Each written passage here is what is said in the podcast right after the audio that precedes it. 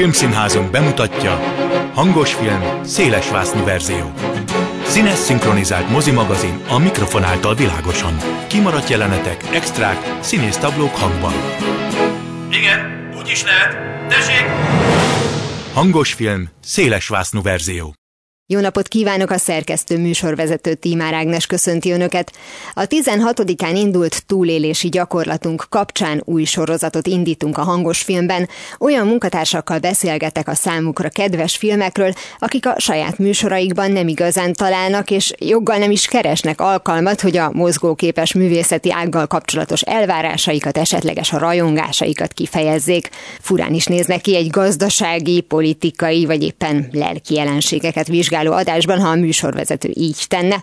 Most azonban sort kerítünk rá. Szerintem nyugodtan állíthatjuk, hogy hiánypótló beszélgetéseket hallhatnak majd a következő hetekben, hogy kollégáimat milyen sorrendben ültettem be magam mellé a stúdióba, teljesen random módon alakult. Vágjunk bele!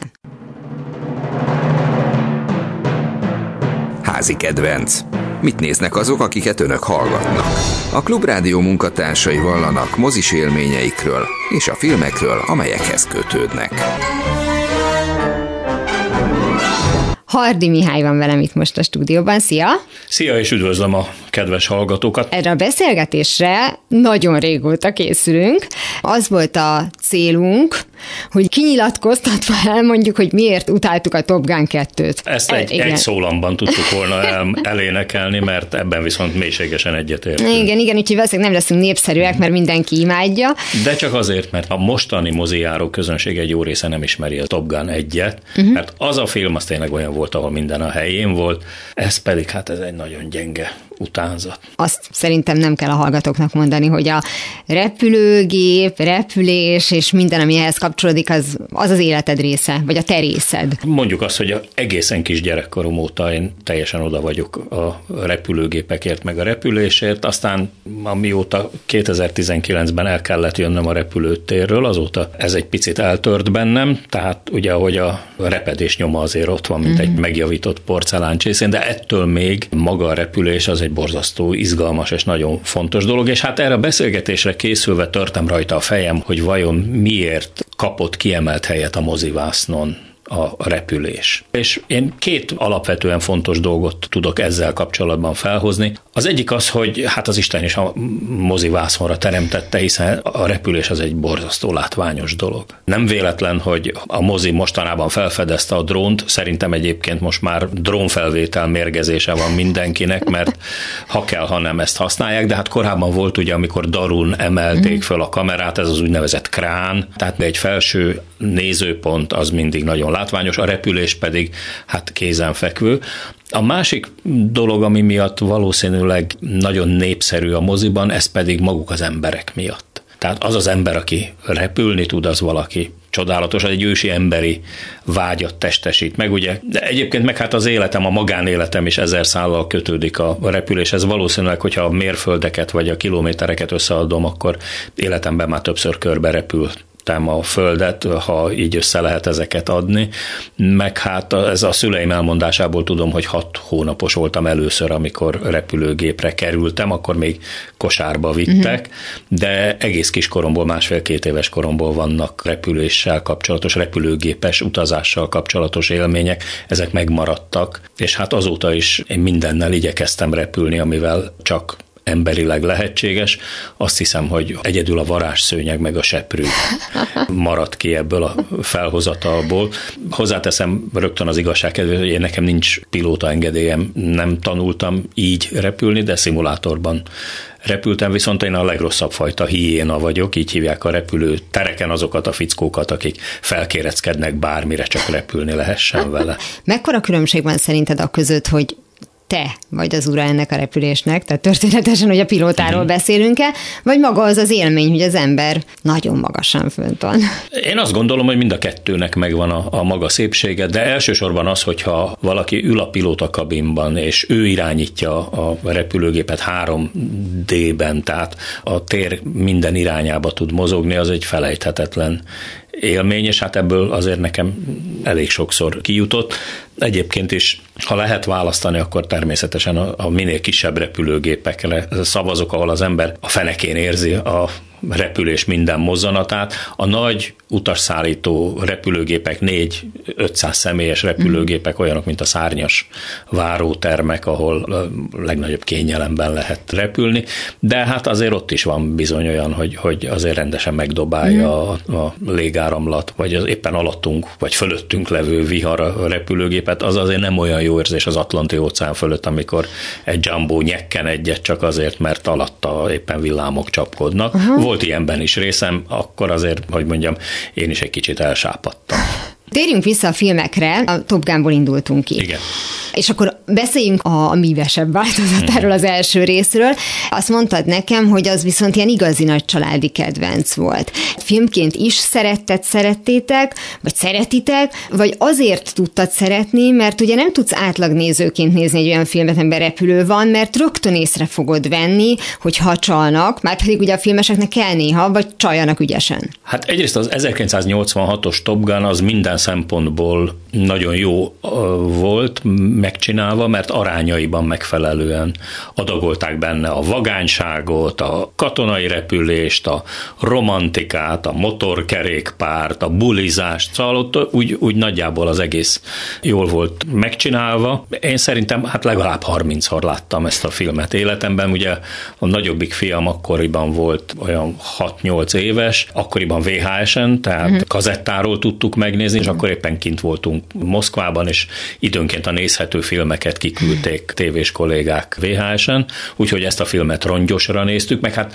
nagyon jó volt a zenéje, és gőzkatapultos felszállás van benne, ahol egy F-14-es vadászgép száll föl az anyahajó fedélzetéről. Ezt talán kevesen tudják, hogy ugye itt két másodperc alatt gyorsul föl repülési sebességre egy ilyen repülőgép, és a két egyenként több mint tízezer lóerős hajtómű utánégető üzemmódban sem elég ahhoz, hogy felgyorsítsa, és ezért az orfutójánál fogva még egy gőzkatapult segít felgyorsítani egy repülőgépet arra a sebességre, amikor már keletkezik annyi felhajtóerő a szárnyon, hogy el is tud emelkedni, de még így is lehetett látni ebbe a filmbe is azt a részt, ahol a gőzkatapult elhagyása és a fedélzet elhagyása után egy picit még lesüllyed a gép, és utána úgy emelkedik föl, úgyhogy gyönyörű a látvány. Hozzáteszem, az F-14-es egy óriási nagy repülőgép volt, tehát ha jól emlékszem, majdnem közel 20 tonnás dög, úgyhogy nagyon látványosan lehetett filmezni ezt, és hát maga a cselekmény az egy valós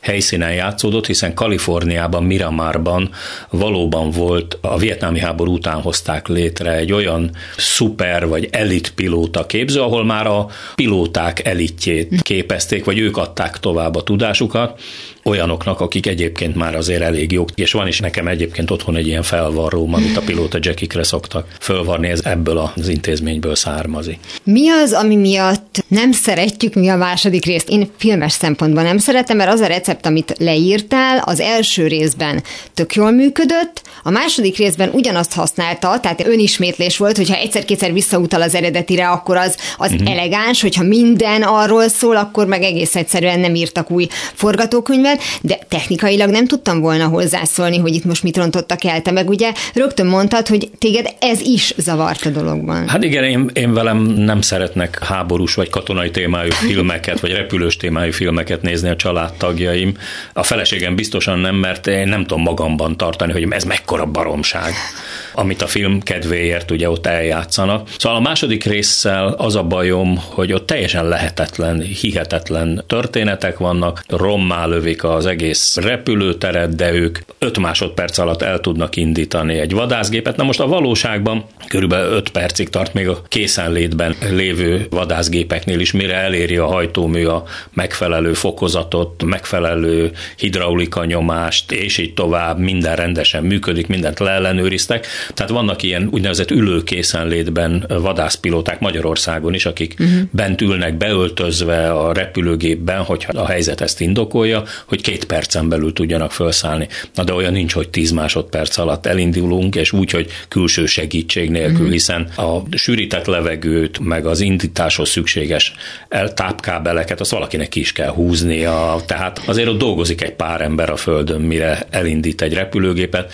itt pedig ugye a szuperhősök azok gyakorlatilag átrepülnek a falon egy repülőgéppel, és semmi bajuk nem történik. Lehet ilyet csinálni, csak akkor azt nem kell komoly filmnek nevezni, hanem akkor az lehet egy ilyen Marvel sorozat, egy ilyen mese sorozat. Pedig voltak benne nagyon látványos jelenetek, és valóban F-18E és F változatú vadászgépekkel vették föl, meg a pilótakabinba beépített kis kamerákkal. Tehát azt kell, hogy mondjam, hogy a Top Gun 2-vel az a baj, hogy az előzetese, na ha azt csinálják meg rendesen hosszú filmnek, akkor ez jó, de ez egyébként nyálas is volt, mm-hmm. unalmas is volt a sok visszautalásokkal a korábbi film történetére. Az egész nem, nem volt igazán rendesen kitalálva. Elnézést kérek a filmforgalmazóktól, hogyha rontom a bótyukat, de ez egy igen vacak film volt. Egyébként nem ez az egyetlen az utóbbi időben, nekem a másik ilyen színvonal alatti ilyen mély repülés, vagy zuhanó repülés, és akkor maradjunk ennél a kifejezésnél, az a, az a Pearl Harbor És volt. ismét egyetértünk. És az emberek úgy szerették, valószínűleg azért, mert ott is szép a kép, meg nagy melodráma, meg szól a zene, de tele klisékkel. Az, hogy a repülés szempontjából milyen hibák vannak benne, azt te fogod tudni megmondani, hogyha ilyesmi volt, de komolyan az, hogy lassítva Beneflek a repülőgép szárnyán így felmagasodik, és a biztonság kedvéért még mögötte az amerikai zászló így belengedett. Igen. Igen. Hát ezek a filmes közhelyek, amikről Igen. szó van, ugye ugyanígy, ahogy a coca cola üvegből adnak vérát, ömlesztést a sérülteknek, meg stb. A Pearl Harborral is az a baj, hogy nem döntött el, hogy mi akar lenni, mert hogyha egy romantikus melodráma akar lenni, akkor az egy műfaj, uh-huh. hogyha háborús, ilyen harcolós, lövöldözős film, akkor az megint egy másik műfaj. A szomorú benne az, hogy ráadásul maga az alaptörténet, meg azok a momentumok, amiket ebben előhoznak, azok valósak. Tehát tényleg volt egy radarállomás, amelyik összekeverte az érkező amerikai bombázókat a japánokkal, tényleg meglepetés volt, ahogy a japánok lebombázták Pearl Harbor, az összes többi az már itt, itt hadova, és ami nekem nagyon látszott ezen a filmen az az, hogy persze már rendelkezés állt ezt, tudom, a CGI, vagyis a számítógép által előállított kép, és ehhez képest pedig két helyen is nagyon spóroltak. Egyrészt a bőven a második világháború vége után épített hadihajókat tettek be díszletnek a háttérbe,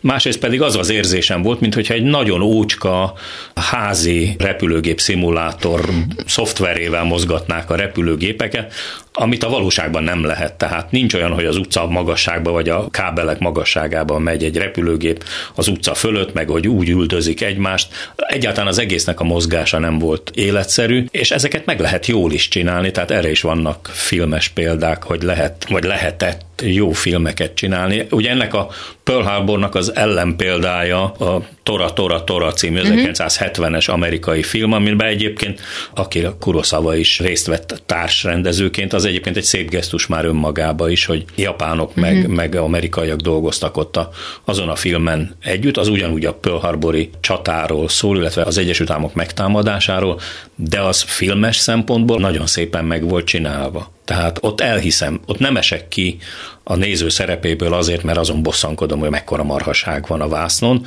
hanem ott elfogadom a játék szabályait, még akkor is, hogyha nem tudtak eredeti, nem tudom én, Mitsubishi Zero típusú vadászgépeket, hanem egy átalakított gépet, azt sokkal jobban elfogadja a filmnéző, hogyha maga a sztori vezetése hiteles. Tehát akkor azért tudsz elnézőbb lenni, mert neked is a film a fontos, és akkor azt mondod, hogy ezt be lehet áldozni, mert ugye itt tulajdonképpen egy 53 éves filmről beszélünk, nem tudom, hogy mikor láttad utoljára, de hogy az... Na, azért ezt minden évben egyszer megnézem, ja, tehát akkor biztos, nincs az, aha, tehát akkor nincs az, hogy eltelt x idő, megnézted újra, és azt mondtad, hogy hát azért ez már úgy nem olyan szépen öregszik, mert hogy az ember szeme folyamatosan ezekhez a már egyre látványosabb dolgokhoz szokott hozzá. A vágások sebessége nagyon lerövidül, tehát ma már a befogadók, talán azért, mert videójátékokon meg ilyen telefonos játék. A TikTok világában élünk. TikTok generáció, aki egy másodperc alatt három vágást is be tud fogadni, én meg szeretem megnézni, szeretem mm. látni,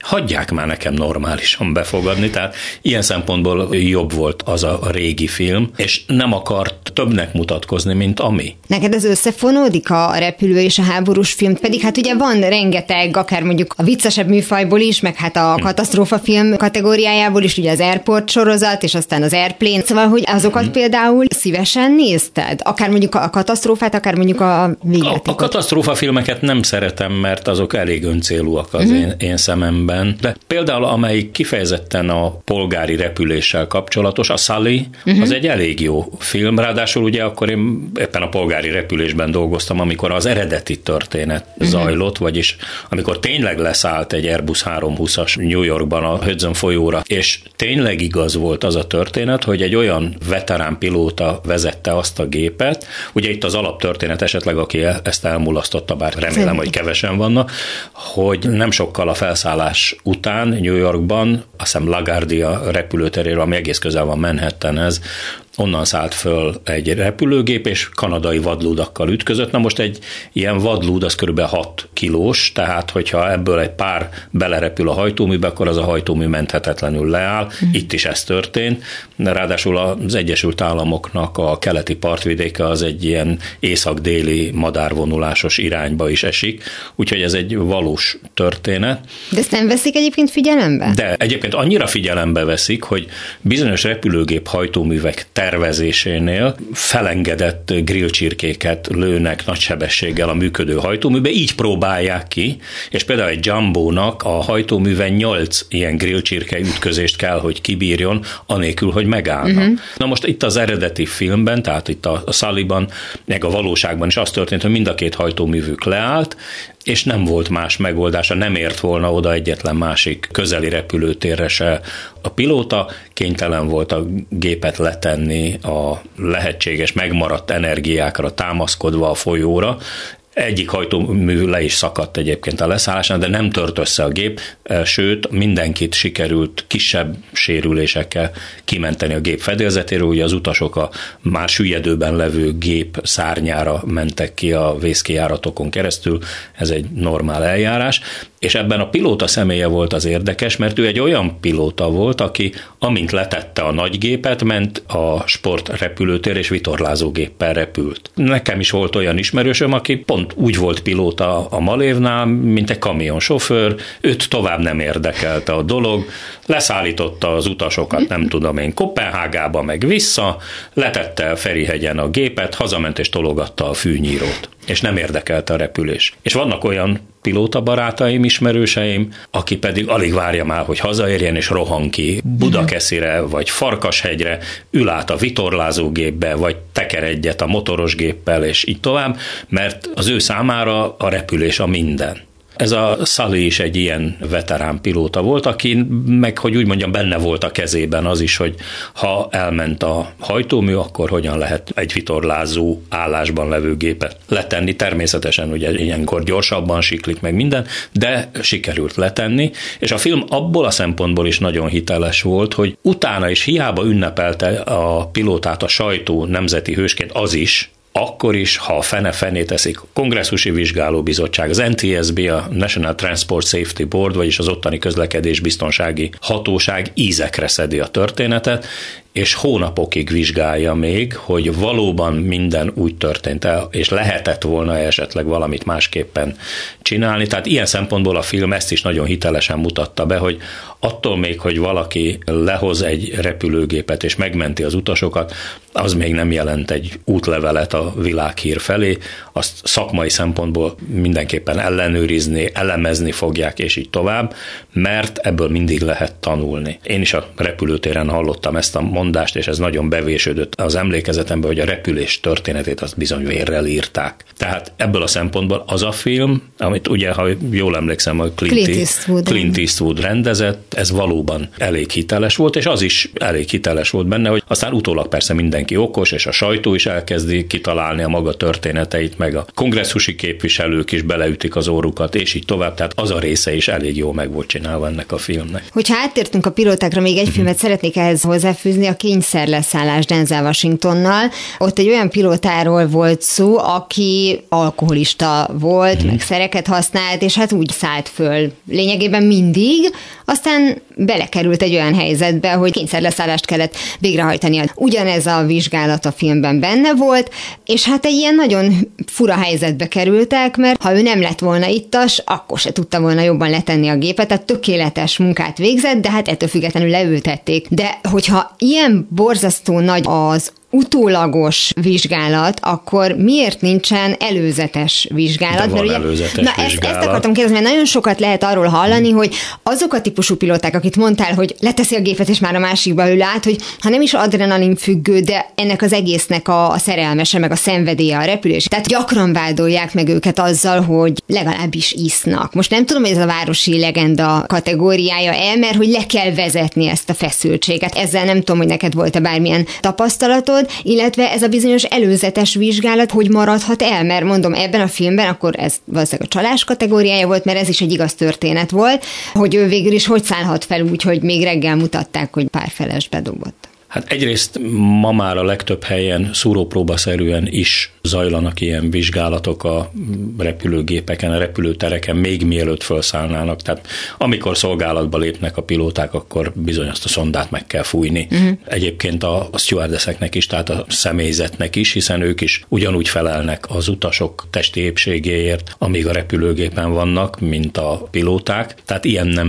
nagyon fordulhat elő. Persze az emberi találékonyság az kimeríthetetlen. Aki ma repülőgépre ül egy légitársaságnál, vagy bárhol, azért nyugodt lehet abban, hogy itt józan, ellenőrzött, felkészült pilóták mennek. Sőt, olyan szabály is van, hogy aki nem érzi jól magát, az jelenthet beteget, és ezért van olyan tartalék személyzet, aki egy órán belül beér a munkahelyére, és át tudja venni a gépet, tehát úgynevezett standby-ban ülnek uh-huh. otthon, egyfelől ez tényleg létezik, másfelől hát természetesen ez óriási nagy lelki teher, még hogyha sok pilóta úgy is érzi, hogy hát kilóra megyek, és naponta repülöm ugyanazt az útvonalat oda-vissza, és így tovább. Nyilvánvalóan ez egy nagy koncentrálást és nagy felelősséget jelentő munka, amit különböző módszerekkel oldanak az emberek. Ez nem csak a pilótákra, hanem például a légiforgalmi irányítókra is igaz, akik gyakran egy 8 órás munkaidőből csak kétszer két órát ülnek bent a monitor előtt, uh-huh. és konkrétan irányítanak, mert kell a pihenés közte. Uh-huh. Ők is egészen különlegesen felkészült emberek. Hát ezt a nagy lelki terhet aztán különböző módokon oldják fel. Van, aki jogázni jár, van, aki fut, és hát volt olyan a baráti társasággal, ezt elárulhatom, hogy amikor elmentünk szabadidőben síelni Ausztriába, akkor volt az a pont, amikor elrémültem, hogy úristen, ez a részeg alak irányítja azt a részeg alakot, aki ott fönn viszi a repülőgépet. Na de ez szabadidőben mm. volt, nem munkaidőben, és ezt most egy némi költői túlzással mm. mondom, de biztos, hogy egy nagyon komoly stresszel járó munka, ahogy a szívsebészekről is állítják, hogy hát különböző módszerekkel oldják a munkával járó feszültséget, de ma már azért olyan szigorú ellenőrzési rendszerek vannak, hogy ezek döntő többségében szerintem kiszűrik az ilyesmit. Ezzel együtt én még egyetemista koromban egyszer indultam úgy el egy Budapest-Moszkva járatra, ahol előtte a Ferihegyi Mézes Mackóban láttam, hogy ott konyakoztak a pilóták. Éjszakai járat volt, Afrikából érkezett, és soha olyan simán jeges futópályára még Seremetyevon nem tették le a repülőgépet, azzal együtt, hogy láttam, hogy a pilóták ott együtt piáltak, és hogy mondjak egy másik történetet, azt már tudósítóként Csukcsföldön, tehát ott Alaszkával szembe, mm. Szibéria távoli részén volt egy AN-24-essel, tehát egy két légcsavaros gázturbinás géppel szálltunk le egy olyan repülőtéren októberben, akkor már ott azért rendes hidegek vannak, meg hó, legalább 30 centi jég volt a pályán, és amikor már leszálltunk, akkor jött a gépkapitánya hátra, magas sarkú csizmában, hidrogénszőke hajjal egy 30 év körüli hölgy volt annak a gépnek a kapitánya, és úgy tette le arra a jeges pályára azt a repülőgépet, mint annak a rendje, tehát igazán, igazán a legmélyebb tiszteletem a pilóta nőké, mert ez nem csak a férfiak szakmája. Visszatérve zárásul a filmekre, van neked olyan szívednek valamiért kedves film, amiben egyáltalán nincsen se háború, se repülőgép? Ha, hát persze, hát biztos, hogy vannak olyanok, de azért azt elmondanám, hogy nekem a Végső Visszaszámlálás című film a kedvencem. Amiben a, van háború is, meg repülőgép. Sőt, repülőgép anyahajó is van, és akkor hadd dicsekedjek el vele, hogy annak idején újságíróként én jártam a Kennedy anyahajó mhm. fedélzetén, uh-huh. és nekem van egy érvényes anyahajós felszállásom, igaz, hogy szállítógéppel, tehát egy C2 Greyhound típusú géppel, nem tudtak máshogy visszavinni minket Marseille-be a földközi tengeren a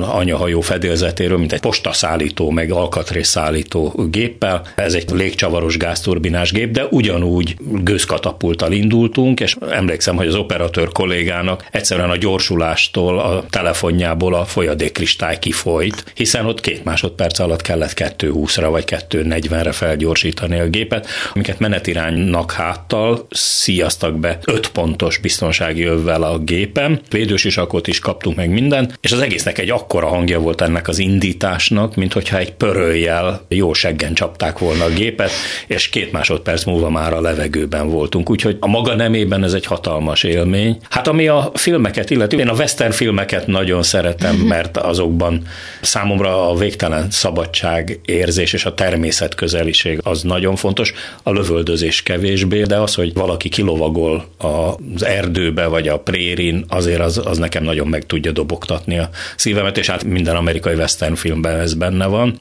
Hát ezzel jó feladtad a leckét. Hogy... Tehát, hogy nem fogok tőled olyat hallani, hogy az igazából szerelem, vagy sztárom a párom. Hú, de kár, hogy a hallgatók most nem látják az arcodat. Igen, én ezeket azért elég szívesen kihagyom. Be kell, hogy valljam őszintén a pörgős akciófilmek, tehát hogy mondjam, Jason Statham összetett színészi játékát sokkal többre értékelem, mint mondjuk Kira Knightley-t, vagy nem tudom én a Titanic című film. Nem bírtam végignézni a Titanicot, egyszerűen az én szervezetem ezeket a Tiltakozott. Mi, minden ízében, pedig önmagában véve az óceáni hajókat imádom, fantasztikusan érdekes a Titanic története is, de hát... Túl sok volt az érzelemben. De én nem szeretem a mesterségesen felkorbácsolt érzelmeket, Aha. lehet, hogy ez lehet az oka. Nagyon sok olyan film van, ami mély nyomot hagyott bennem, például, és ez nagyon furcsa lesz, amit mondok, de még gyerekkoromban láttam egy filmet, egy életrajzi filmet Csajkovszkiról, uh-huh. ami egy teljesen politika semleges szovjet film volt mm. egyébként, de én azóta szeretem a bémol zongora versenyét Csajkovszkinak egy Isten háta mögötti orosz kisvárosba, valahol Szentpétervár és Moszkva között félúton élt egy egyemeletes vidéki faházban, ahol valami savanyú almák nőttek a kertbe, borzasztó rosszak az ottani almák, mert nem tudnak rendesen megérni. Na és ebből a történetből kerekítettek egy nagyon szép filmet, annak például nagyon nagy hatása volt rám, és hát az benne az érdekes, hogy, hogy ebből a, hát nem tudom én, szóval, mint hogyha Nyíregyháza alsóról beszélnék, hogyan kerül valaki a világhírre. Ez egy nagyon érdekes és rám nagy hatású film volt. Nem volt benne se repülőgép, Igen. se lövöldözés, se semmi. Nagyon szépen köszönöm. Ennek a bizonyos sorozatnak ez volt az első része. Hardi Mihály volt a vendégem. A sorozat hamarosan folytatódik, és egy újabb kollégám gyűjti össze a kedvenceit, vagy éppen bizonyítja be, hogy még a filmek terén is azokat a témákat keresi, illetve kedveli, amelyekkel az általa vezetett műsorban foglalkozik. Ez volt már a hangos film széles vásznú verzió. Legközelebb ismét szombaton délután fél kettőtől várom önöket. Természetesen a korábbi adásokat, ahogy a mait is hamarosan megtalálják archívumunkban, valamint podcastként. Kövessenek minket a Facebookon, és ha még nem tették, iratkozzanak fel YouTube csatornán témánkra. Köszönöm a figyelmüket, a szerkesztő műsorvezetőt, Tímár Ágnest hallották. Viszont hallásra!